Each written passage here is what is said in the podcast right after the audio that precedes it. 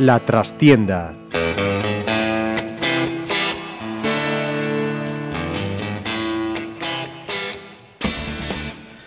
Saludos amigos, os habla Ramiro Espiño en nombre de todo el equipo. Comenzamos una nueva edición de La Trastienda en Pontevedra Viva Radio y en esta ocasión hemos querido invitar a unos deportistas que ejercen su actividad en distintos ámbitos. Entrenador de porteros, formó parte del cuerpo técnico del Pontevedra y actualmente se ocupa de las jóvenes promesas del Deportivo da Coruña en Abegondo. Jaime García Formoso, bienvenido. Hola, buenos días, muchas gracias. Jugador de balonmano, este sábado posiblemente marcó uno de los goles más importantes, él lo dirá, o que puede ser lo de su carrera, el que daba el empate en extremes al Cisne frente al Barcelona B. Es de Vigo, pero en Pontevedra creo que se encuentra como en casa. ¿O me equivoco, Guille Real? Muy buenas. Hola, buenas. Sí, sí, la verdad que aquí se, se me encuentro muy bien. Muchas gracias. Ejerció como árbitro, llegó hasta segunda B porque en esto del arbitraje, y eso no lo dice él, lo digo yo, no basta con ser bueno para ascender y llegar a lo más alto, ni siquiera lo consiguen siempre los mejores. Actualmente es el delegado en Pontevedra del Colegio Gallego de Árbitros de Fútbol, Manuel Vidal Araujo. Bienvenido y que no se diga que yo hablo siempre mal de los árbitros, solo de los árbitros malos, que no es lo mismo. Muchas gracias. Buenos días. Bueno, pues empezamos por donde queráis. O sea, si queréis un poquito por lo más próximo en el tiempo, que es el partido del Pontevedra ayer. Yo sé que Manuel y Guille seguro que no lo vieron, pero algo sonará, ¿no? De lo, Sí. de lo que ha pasado. Sí, sí, algo se comentó que un poco polémico el partido, pero bueno. O sea que ahí tuvo algo que ver el, el señor colegiado, el, el colegiado canario. Una Eh, expulsión más que polémica y un penalti clamoroso en el último minuto que no, que no quiso pitar. Lo que a mí me consta es por, prensa o por imágenes no he podido ver porque estaba siguiendo la fase de ascenso de Tercera Galicia a uno de nuestros árbitros. Mm, No puedo opinar porque sin ver las imágenes y estar en el campo es, es imposible, sería hablar por hablar. Yo lo que, lo que digo, y esto eh, luego podemos hablar un poquito más de, de temas de organización arbitral, no voy a pretender que te mojes, evidentemente, porque a tu cargo no lo puedes hacer, pero sí que pienso que hay muchas cosas mejorables ¿no? en, el, en el colectivo arbitral. Y, y una de ellas, pues, un poco el tema de las designaciones sorprende que no se intente, ya sé que a los clubes les sale exactamente igual porque la tarifa es plana en, en segunda B. Pagan lo mismo que vengan de Canarias que que vengan de, de aquí al lado. Pero, hombre, venga un árbitro de Canarias a pitar un partido de segunda B a Galicia, el otro día uno de Cataluña, etcétera, etcétera.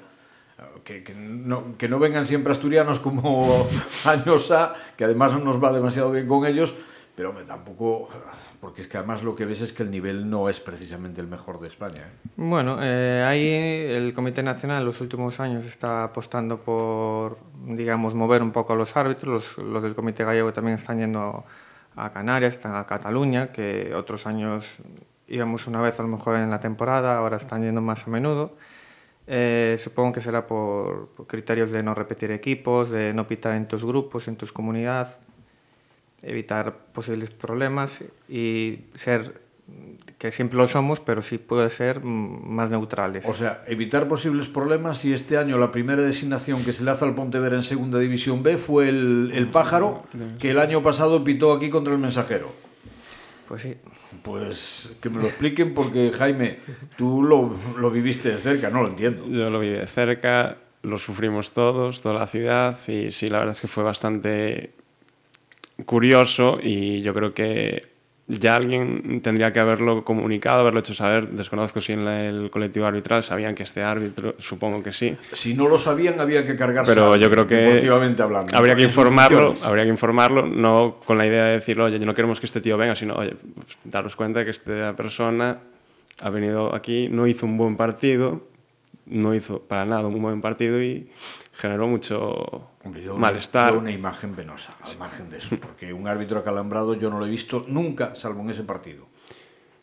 Por, por alguna otra, otra cuestión. Pero bueno, en definitiva, eh, como digo, es luego hablaremos un poquito más de, de los problemas arbitrales y de las tensiones que, que sufren, pero que sí que es verdad que el comité de designación pues podría evitar el ponerlos en el disparadero, porque a ese buen hombre, vamos a decirlo así, eh, hiciese lo que hiciese iba a estar bajo Lupa. la lupa, ¿no? Si favorecía al Pontevedra porque pretendía compensarlo. Compensar. Si le perjudicaba porque ya nos fastidió en otra ocasión. Hombre, pues Eh, Era la- eso fue, bueno, pues era algo que se iba a dar durante la temporada y, y se fue a dar en la primera jornada.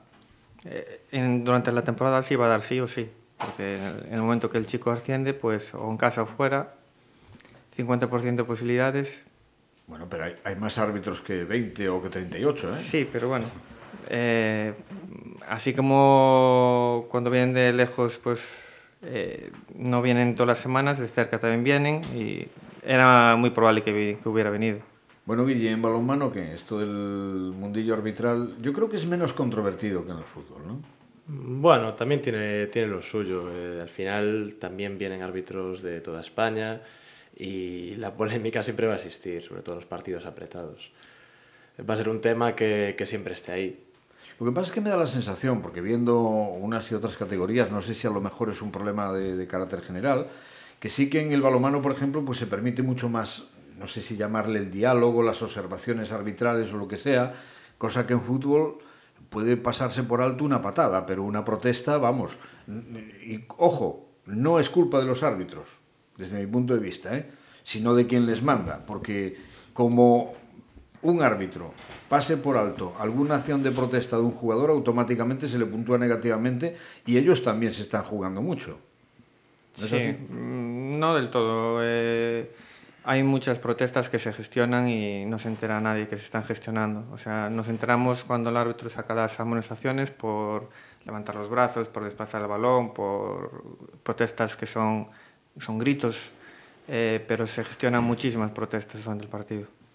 Bueno, eh, Jaime, el Pontevedra lo viviste hasta hace muy poquito desde dentro, como preparador de porteros, ahora un poquito más en, en la lejanía, desde Abegondo. ¿Cómo, ¿Cómo lo estás viendo? Pues la verdad es que la temporada ha sido de 10, o sea, bajo mi punto de vista de 10. Eh, lo comentaba con mucha gente allí en Navegondo, que era, estaban súper sorprendidos de que el equipo rindiese también. Al principio de temporada fue difícil, pero yo creo que el equipo se puso el mono de trabajo, saben que la segunda vez es una categoría muy complicada y que había que esforzarse.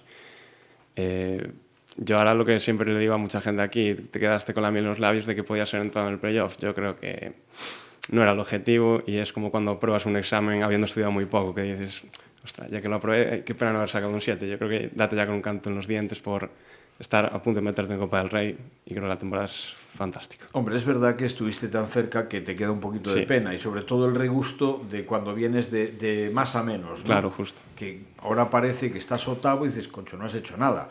O sea, hay que ser, realmente hay que ser realistas, ¿no? Si a principio de temporada, antes de empezar la liga, nos dicen, oye, salvados no sé cuántas jornadas antes y vas de octavo, pues, es donde hay que firmar, No me lo firmas, sí. creo yo, ¿no? Y el cisne que... Bueno, el Cisne ahora se la juega esta semana en Nava. No, no, lleváis jugándola Sí. una buena temporada, ¿no? Sí, pero bueno, sin duda, pues este es el partido decisivo, porque una victoria nos saca del descenso y nos pone por encima de Nava, y una derrota, pues prácticamente nos hunde, nos deja casi sin opciones. Es que fíjate lo que os queda, ¿eh? Balonmano Nava, Academia Otavio, que bueno, pues lo tiene peor todavía que vosotros y que puede quedar matemáticamente fuera en ese partido, y luego La Roca en casa, otro de los, de los directos rivales. Sí, la Roca que al final, pues entre unas cosas y otras, está ahí, está ahí abajo también, metido en el lío si cabe. Quizás ellos lo tienen más fácil, están a tres puntos, pero bueno, eh, la última jornada contra ellos, pues también es otra opción de, de salvarse. Oye, el, el público os llevó en volandas el sábado, ¿eh? Sí, la verdad que bueno, eh, sobre todo cuando el partido se pone emocionante, al final el público siempre, siempre aprieta y allí en el estadio, pues al ser un pabellón más, más pequeño que Se nota más. se nota mucho más y la verdad es que es de agradecer que cuando la gente empuja, al final te vienes más arriba. Bueno, aunque hubo mucha gente, para los que no lo hubieran visto, pues yo le voy a recordar un poquito cómo fue la, la historia, ¿no? En la primera parte el Cisne se vio muy pronto con seis abajo. Eh, a mí me da la impresión de que salisteis a la pista encogidos, como no creyendo en vosotros mismos, que podíais ganarle al Barça B. Sí, quizás, bueno, eh, un partido la afronta siempre con ganas, pero de repente te ves por debajo y la dinámica negativa de toda la temporada al final te pesa. Claro, vas seis abajo y dices, otro partido ya. Pero bueno, ahí nos rehicimos, eh, conseguimos endosar creo que un 4-0 de parcial, uh -huh. nos metimos de nuevo en el partido y al final pues nos fuimos tres abajo en el descanso, pero con la sensación de que, de que sí que se podía. Y volvisteis en la segunda parte y ahí a 1, a 2, a 1, a 2, hasta que al final, bueno, pues Alex Chan empata, luego Pablo Vidal os pone uno por delante, la única vez. Eh, ellos, bueno, Luis Valles que toma las riendas y hace tres goles seguidos y de nuevo parece que sentencia el partido para el Barça B, pero allí apareció un poco la casta, a falta de 30 segundos balón para vosotros, había marcado el Barça, exclusión de Yago Cuadrado, o sea, os quedabais con uno menos, o sea, para que el guion tenga todavía un poquito más de, de suspense, ¿no? A falta de 5 segundos, Nano Martínez, vuestro entrenador, pide tiempo muerto, preparáis jugada y allí aparece Guille Rial metiéndose por en medio de todos, jugándose la jeta para hacer un gol sobre la bocina y empatar un punto que tiene un valor, o puede tenerlo tremendo, porque entre otras cosas pasáis a depender de vosotros mismos. Sí, era lo que, lo que hablábamos antes, que esta semana, pues si ganamos a Nava, les pasamos por encima. Y, y, bueno, también era un partido que, que, nadie contaba con que fuéramos a sacarlo adelante. Allá en, en, Barcelona nos pintaron la cara, nos ganaron de 22, me parece que fue. Y, y, por eso fue aún más importante o supo mejor este punto. También nos tocó tener suerte por una vez también en la temporada, después de varios partidos, los de Zarauz, que los perdimos ambos de uno, pues ya nos tocaba un poquito de suerte y a ver.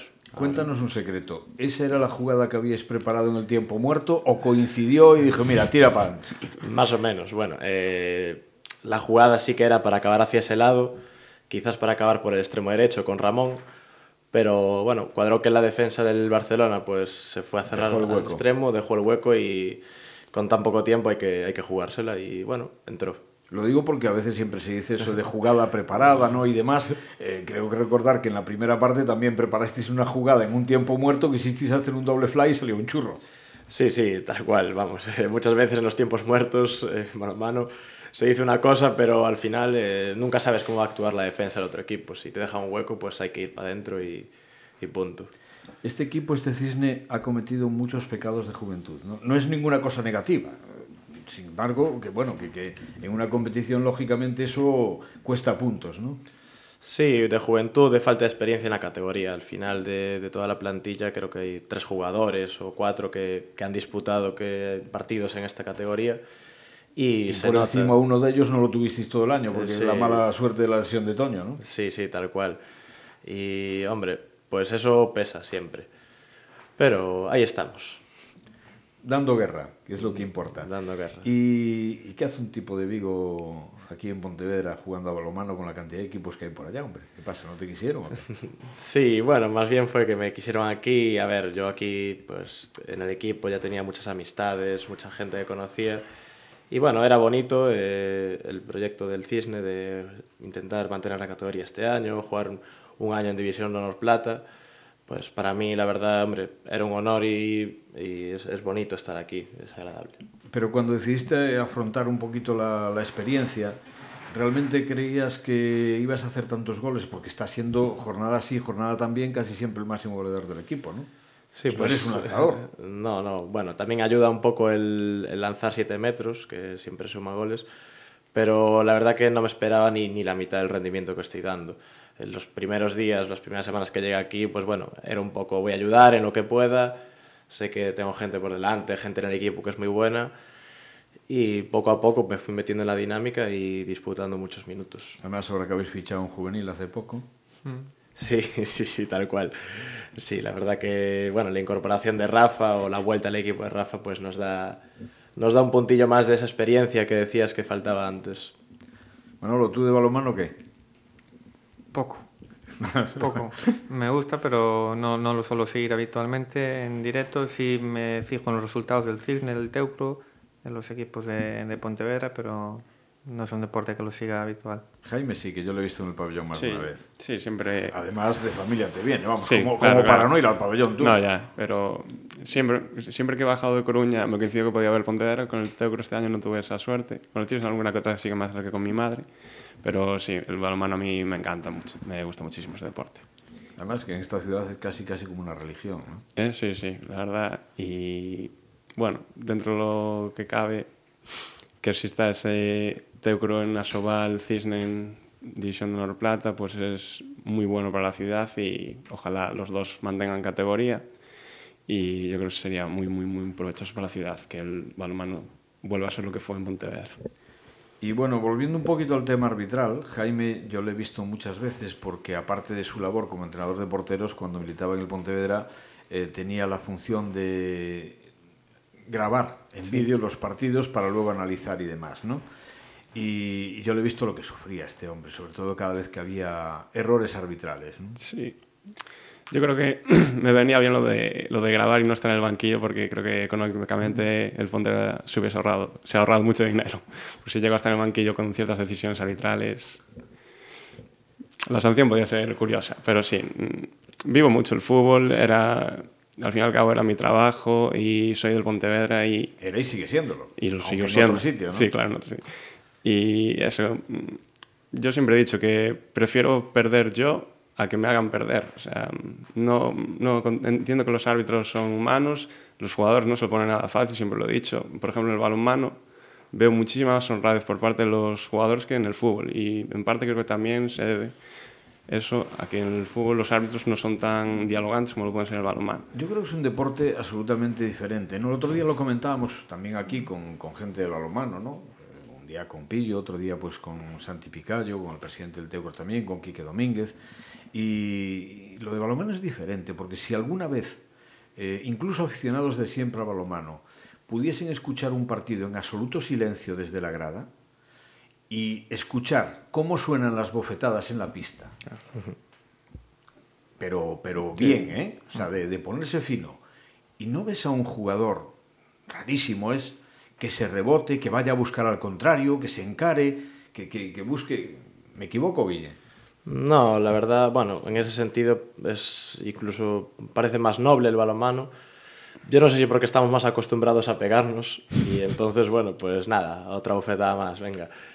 Pero también es cierto que, que Pero sí que... la siguiente te estás abrazando, Sí, no pasa nada, y bueno, también lo bueno que si sabes que si te pegan a ti en ataque, pues luego tienes en defensa para devolvérsela, pero siempre, siempre bien. Y luego sí que es cierto que los árbitros son más dialogantes, ves más como el jugador puede hablar con el árbitro, también desde una, desde una manera un poco más calmada.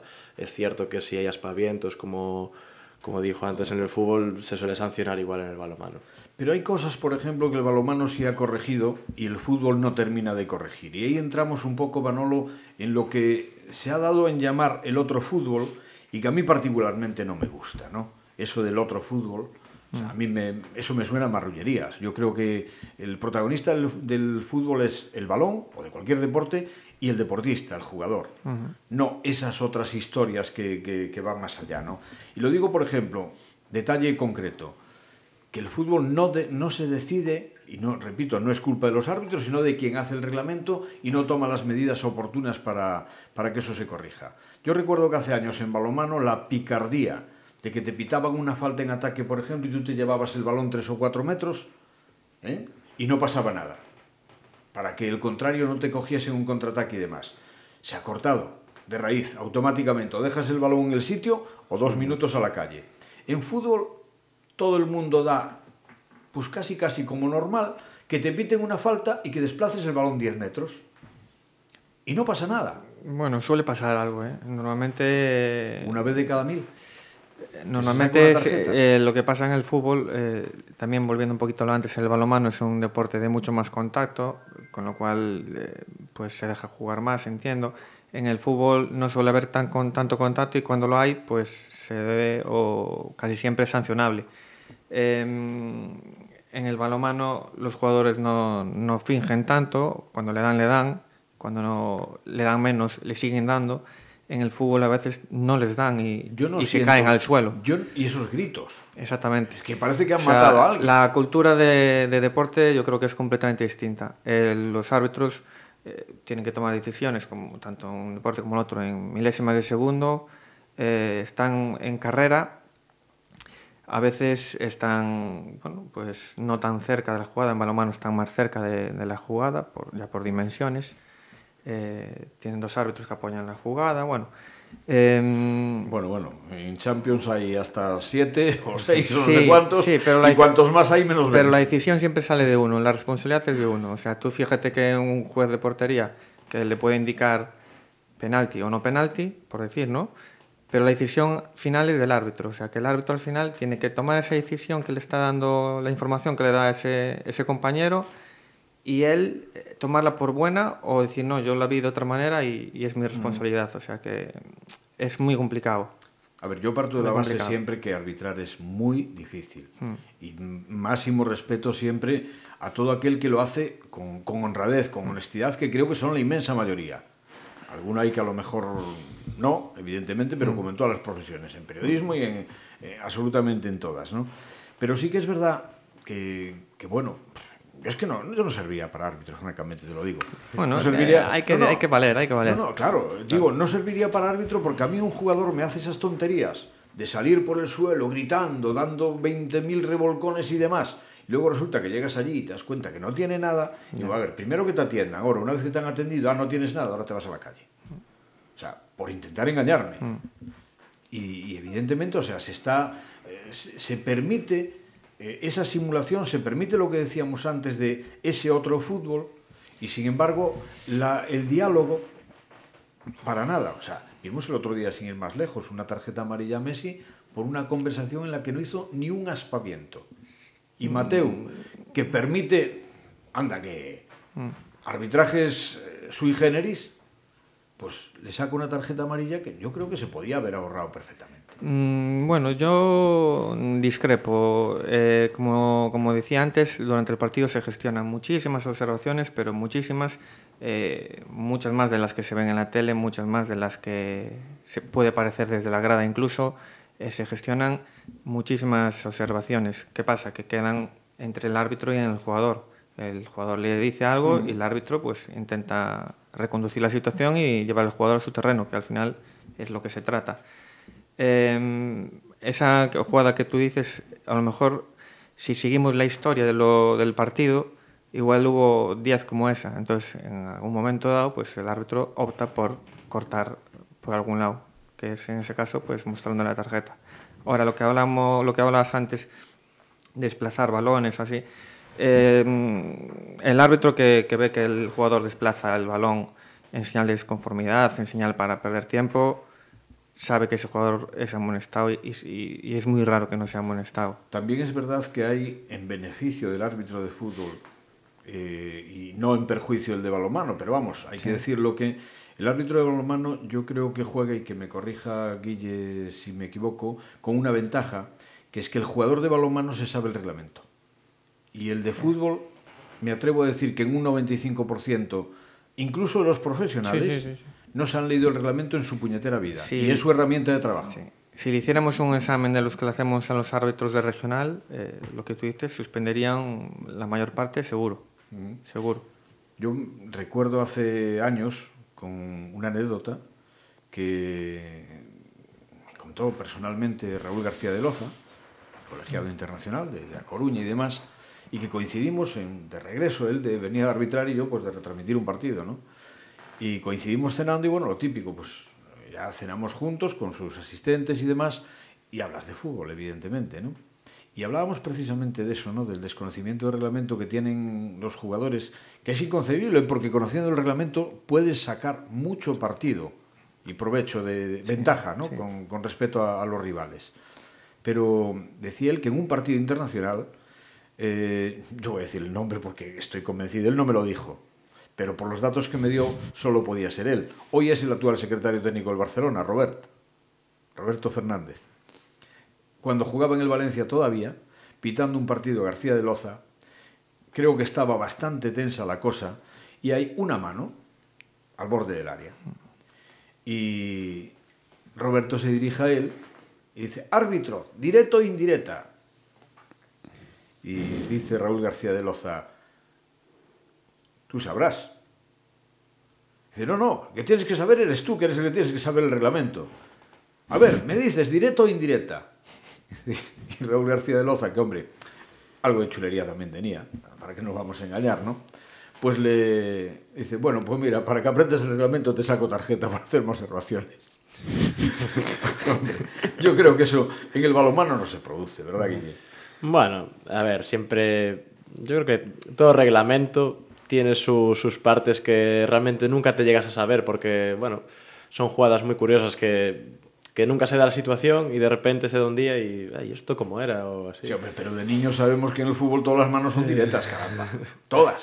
Sin Sí, sí, excepción. bueno, a ver, Lo quizás. mismo que vosotros sabéis que un lanzamiento directo a portería con el marcador a cero no admite rebotes ni admite ninguna otra cosa. Ni puedes levantar el pie de, de apoyo, ¿no? Sí, sí, exacto. Pero bueno, basta que, que nunca te haya pasado en la vida para que Hay- de repente un momento de tensión, además. te- Hay una anécdota que está aparte está en, en, en YouTube colgada de David Vidal en un entrenamiento en- de un Sí. equipo de segunda división que con el portero eh, usted ¿de qué, de qué tamaño es la portería?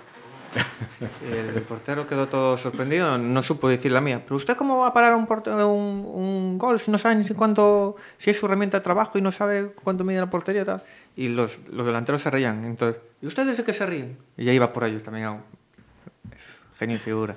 Es que, a ver, Pero es, es verdad, ¿eh? porque aún, aún no hace mucho tiempo recuerdo una anécdota de un partido, creo que era de Champions, un jugador eh, ex internacional de hace pocos años que era- estaba haciendo la, tra- la retransmisión, decía, eh, la barrera a 10 pasos, a 10 pasos. Bueno, a 10 pasos, depende cómo sean los pasos, no, ¿no? claro. Es que... No es lo mismo los pasos de un tío de dos metros que de unos 60. Pero que digas eso en antena, Ya, eh, ya.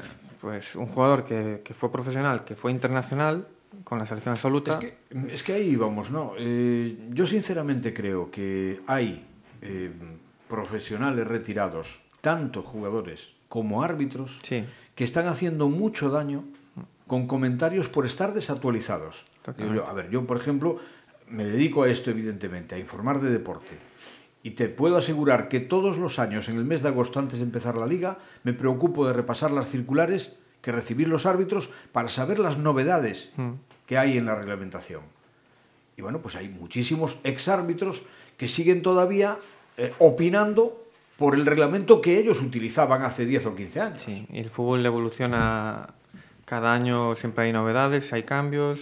Este año va a haber muchos cambios y, y si no te actualizas estás perdido, Por ejemplo, el tema de la tarjeta por un agarrón. por ejemplo. Yo estoy cansado de ver este año, sin ir más lejos, y de escuchar en radio, ver en partidos en directo y demás, alguien que agarra, el jugador sigue, o sea, no termina de impedir la progresión con la pelota. Eso es tarjeta, tiene que dejar seguir la jugada y luego sacar tarjeta. No, eso era antes. Exactamente. Ahora no. Pero claro, preocupémonos un poquito de, de- de lo que es nuestro trabajo y, y nuestro seguimiento, porque es que el problema es que luego el aficionado que escucha se queda con esa copla también. Y luego tienes un problema. Yo, eh, una anécdota que, que he contado infinidad de veces también, y en este caso tú que decías de, que venías de ver partidos de, tercera regional, también ya es mala leche, ¿no? Que esa jugada complicada y demás se produzca en un campo de tercera regional. Pero hace muchos años, eh, no voy a decir el sitio porque a lo mejor pues alguien de allí pues no le gusta, ¿no? Y, se ofende. Pero yo estaba viendo un partido de, de casualidad y hay eh, una falta a favor de un equipo al borde del área. En aquel entonces todavía se podía ceder el balón al portero para que el portero sacase. Bueno, pues el, el equipo que tenía la falta a favor, el defensa quiso cederle rápido a su portero, porque iban empatados y a ver si, si resolvían el partido, con tan mala pata que el portero resbaló y el balón entró en la portería. Claro, el- todo el mundo a, a celebrar el gol, los, de, los del equipo de casa, que eran tal, y el árbitro da córner, da saque de esquina. La que se montó y la que le cayó a aquel pobre hombre. Y tenía toda la razón del mundo, porque el reglamento es así. Exactamente. Bueno, pues son circunstancias, ¿no? Eh, los problemas arbitrales en Galicia, Manolo. A ti te tocó tu designación como delegado en Pontevedra y poco después con Iglesias tuvo que dimitir. ¿Cómo está la situación ahora mismo en el arbitraje gallego? Bueno, en estos momentos está todo más tranquilo, más eh, en, en, su cauce, como, como debía ser desde el principio. Pasamos unos meses bastante complicados. Nosotros a nivel profesional, a nivel personal nos afectó, pero siempre nos mantuvimos firmes en apoyo a, a Fernando en su día, a la federación y, y esa es la línea que tenemos que seguir. Pero no dejó heridas el cisma porque había, había por un lado las delegaciones de Vigo y Pontevedra, por otro lado las de Santiago, Orense que no se sabía si subía o bajaba. En principio esas heridas están cerradas, el comité gallego es uno, eh, todas las delegaciones tenemos que tirar hacia el mismo lado y, y esa es la, la dirección. ¿Y cuándo van a cambiar los sistemas de ascensos y descensos? ¿En qué sentido te refieres? Pues que asciendan los mejores y que desciendan los peores. Bueno. Que no haya cupos por mm, localidades, por, por delegaciones. A etcétera, nivel nacional. Etcétera. Claro, Hablas claro, a nivel claro. nacional. Sí, sí, no, no, evidentemente. Pues eso, aunque debiera ser así, todo, pues, todo el mundo sabe que es inviable. Es inviable no solo por, por nivel de los árbitros, es inviable por, por nivel de clubes. O sea, eh, una territorial que tenga, imagínate, en primera división cuatro equipos, de su territorial no puede tener muchos árbitros, porque realmente a sus, a sus equipos no los van a poder arbitrar y, y es un problema. Mm, eh, reparto equitativo. Pero la cuestión no va por ahí, porque la territorial que más equipos tiene posiblemente sea Andalucía, Mm. y sin embargo hay un montón de árbitros andaluces, y madrileños, y catalanes. Mm, Bueno, un montón, no. Y, no, y en Galicia hay uno. En Galicia hay uno. Eh, lo que Cuando se, lo hay. Lo que se tiene que trabajar es para que en Galicia haya más, porque realmente hay árbitros de nivel que podrían estar perfectamente y, y por méritos debían de estar. El- Y en Cantabria casualmente había dos, un nivelazo tremendo. Bueno, son decisiones que, que alguien las toma. eh, algunas eh, supongo que aciertan, otras probablemente se equivocará. Pero ahí nosotros ya no llegamos. Nosotros trabajamos para. Yo trabajo para que los árbitros de Pontevedra lleguen a lo más alto. El Comité Gallego trabaja para que sus árbitros lleguen a- al nacional. Y esa es la. Claro, pero por ahí iba, porque tú ahora mismo, como responsable de los árbitros en Pontevedra, ¿qué le dices a un chico que empieza? ¿Cómo lo motivas para que él se crea que puede llegar a lo más alto? Porque me imagino cuando empiezas todo el mundo tiene las máximas aspiraciones. Pero vamos a ver, desde segundo Bello Blanco, y ya ha llovido, no ha habido un árbitro de Pontevedra en primera división, nunca. Bueno, ahora mismo en Pontevedra tenemos eh, árbitros que tienen muy buena proyección para poder llegar en, corto plazo. Eh, yo creo que lo van a, conseguir además y espero que sí. Eh, los chicos que empiezan, si empiezan con ilusión y con ganas, eh, los ascensos van llegando por su mano, poco hay que hacer. El problema es cuando empiezas y no tienes la ilusión o, o el trabajo suficiente detrás para, para hacerlo. Eso es, es donde nosotros tenemos que trabajar más. No quiero meterte en más problemas, pero de esto podríamos hablar largo y tendido. Yo lo que lo único que pido es que esos chicos que dices tú y me consta porque conozco unos cuantos muy buenos árbitros con muy buena pinta en la delegación de Pontevedra que no les roben esa ilusión No. y que no vean como otros compañeros simplemente porque son de Asturias o de Cantabria o de otro sitio, pues por ahí tienen cabida, aunque luego su nivel deje mucho que desear. Guille, que muchísima suerte, que esa final contra el balomano Nava hay que ganarla sí o sí, ¿eh? y que, que se consiga la permanencia. Sí, muchas gracias. A ver esta semana qué pasa.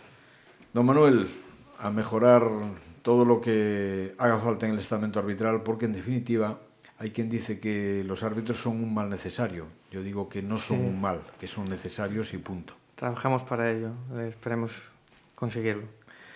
Y Jaime, ese deportivo, ya sé que no es lo tuyo, que no estás con el primer equipo, pero siempre afecta. Siempre afecta, sí. Uy, uy, uy. Bueno, Que acabe ya la liga, ¿eh? Sí, sí podía, haber sido ayer la última jornada y estaríamos todos de celebración pese a haber perdido, pero bueno, yo creo que se va a conseguir la permanencia y eso al fin y al cabo, si lo de arriba va bien, todo va bien y esperemos que acabe como el año pasado la cosa sin sufrir tanto. Pues muchas gracias a los tres. Hoy tenemos cerrada la sastrería. Nuestro microespacio irónico festivo se toma unas pequeñas vacaciones ya que el señor Sastre ha decidido sin previo aviso colgar el cartel de cerrado por vacaciones. Se ha ido de crucero hasta mediados de mayo, así que con tiempo para comentar luego el final de liga vendrá. Muchas gracias a todos. Nos vamos directamente a nuestra despedida musical, que esta semana lo ocupa una banda británica, posiblemente los reyes de la música electrónica, Depeche Mode.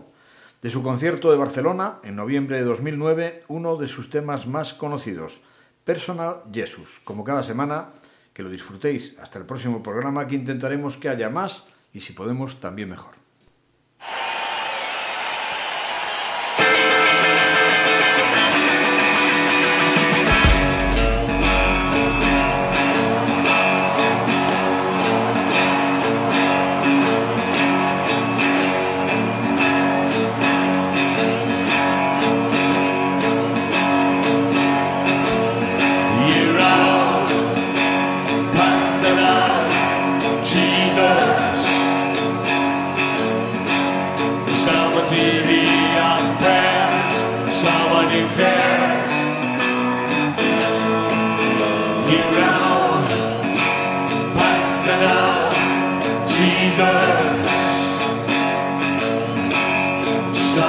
need our prayers. Someone is there.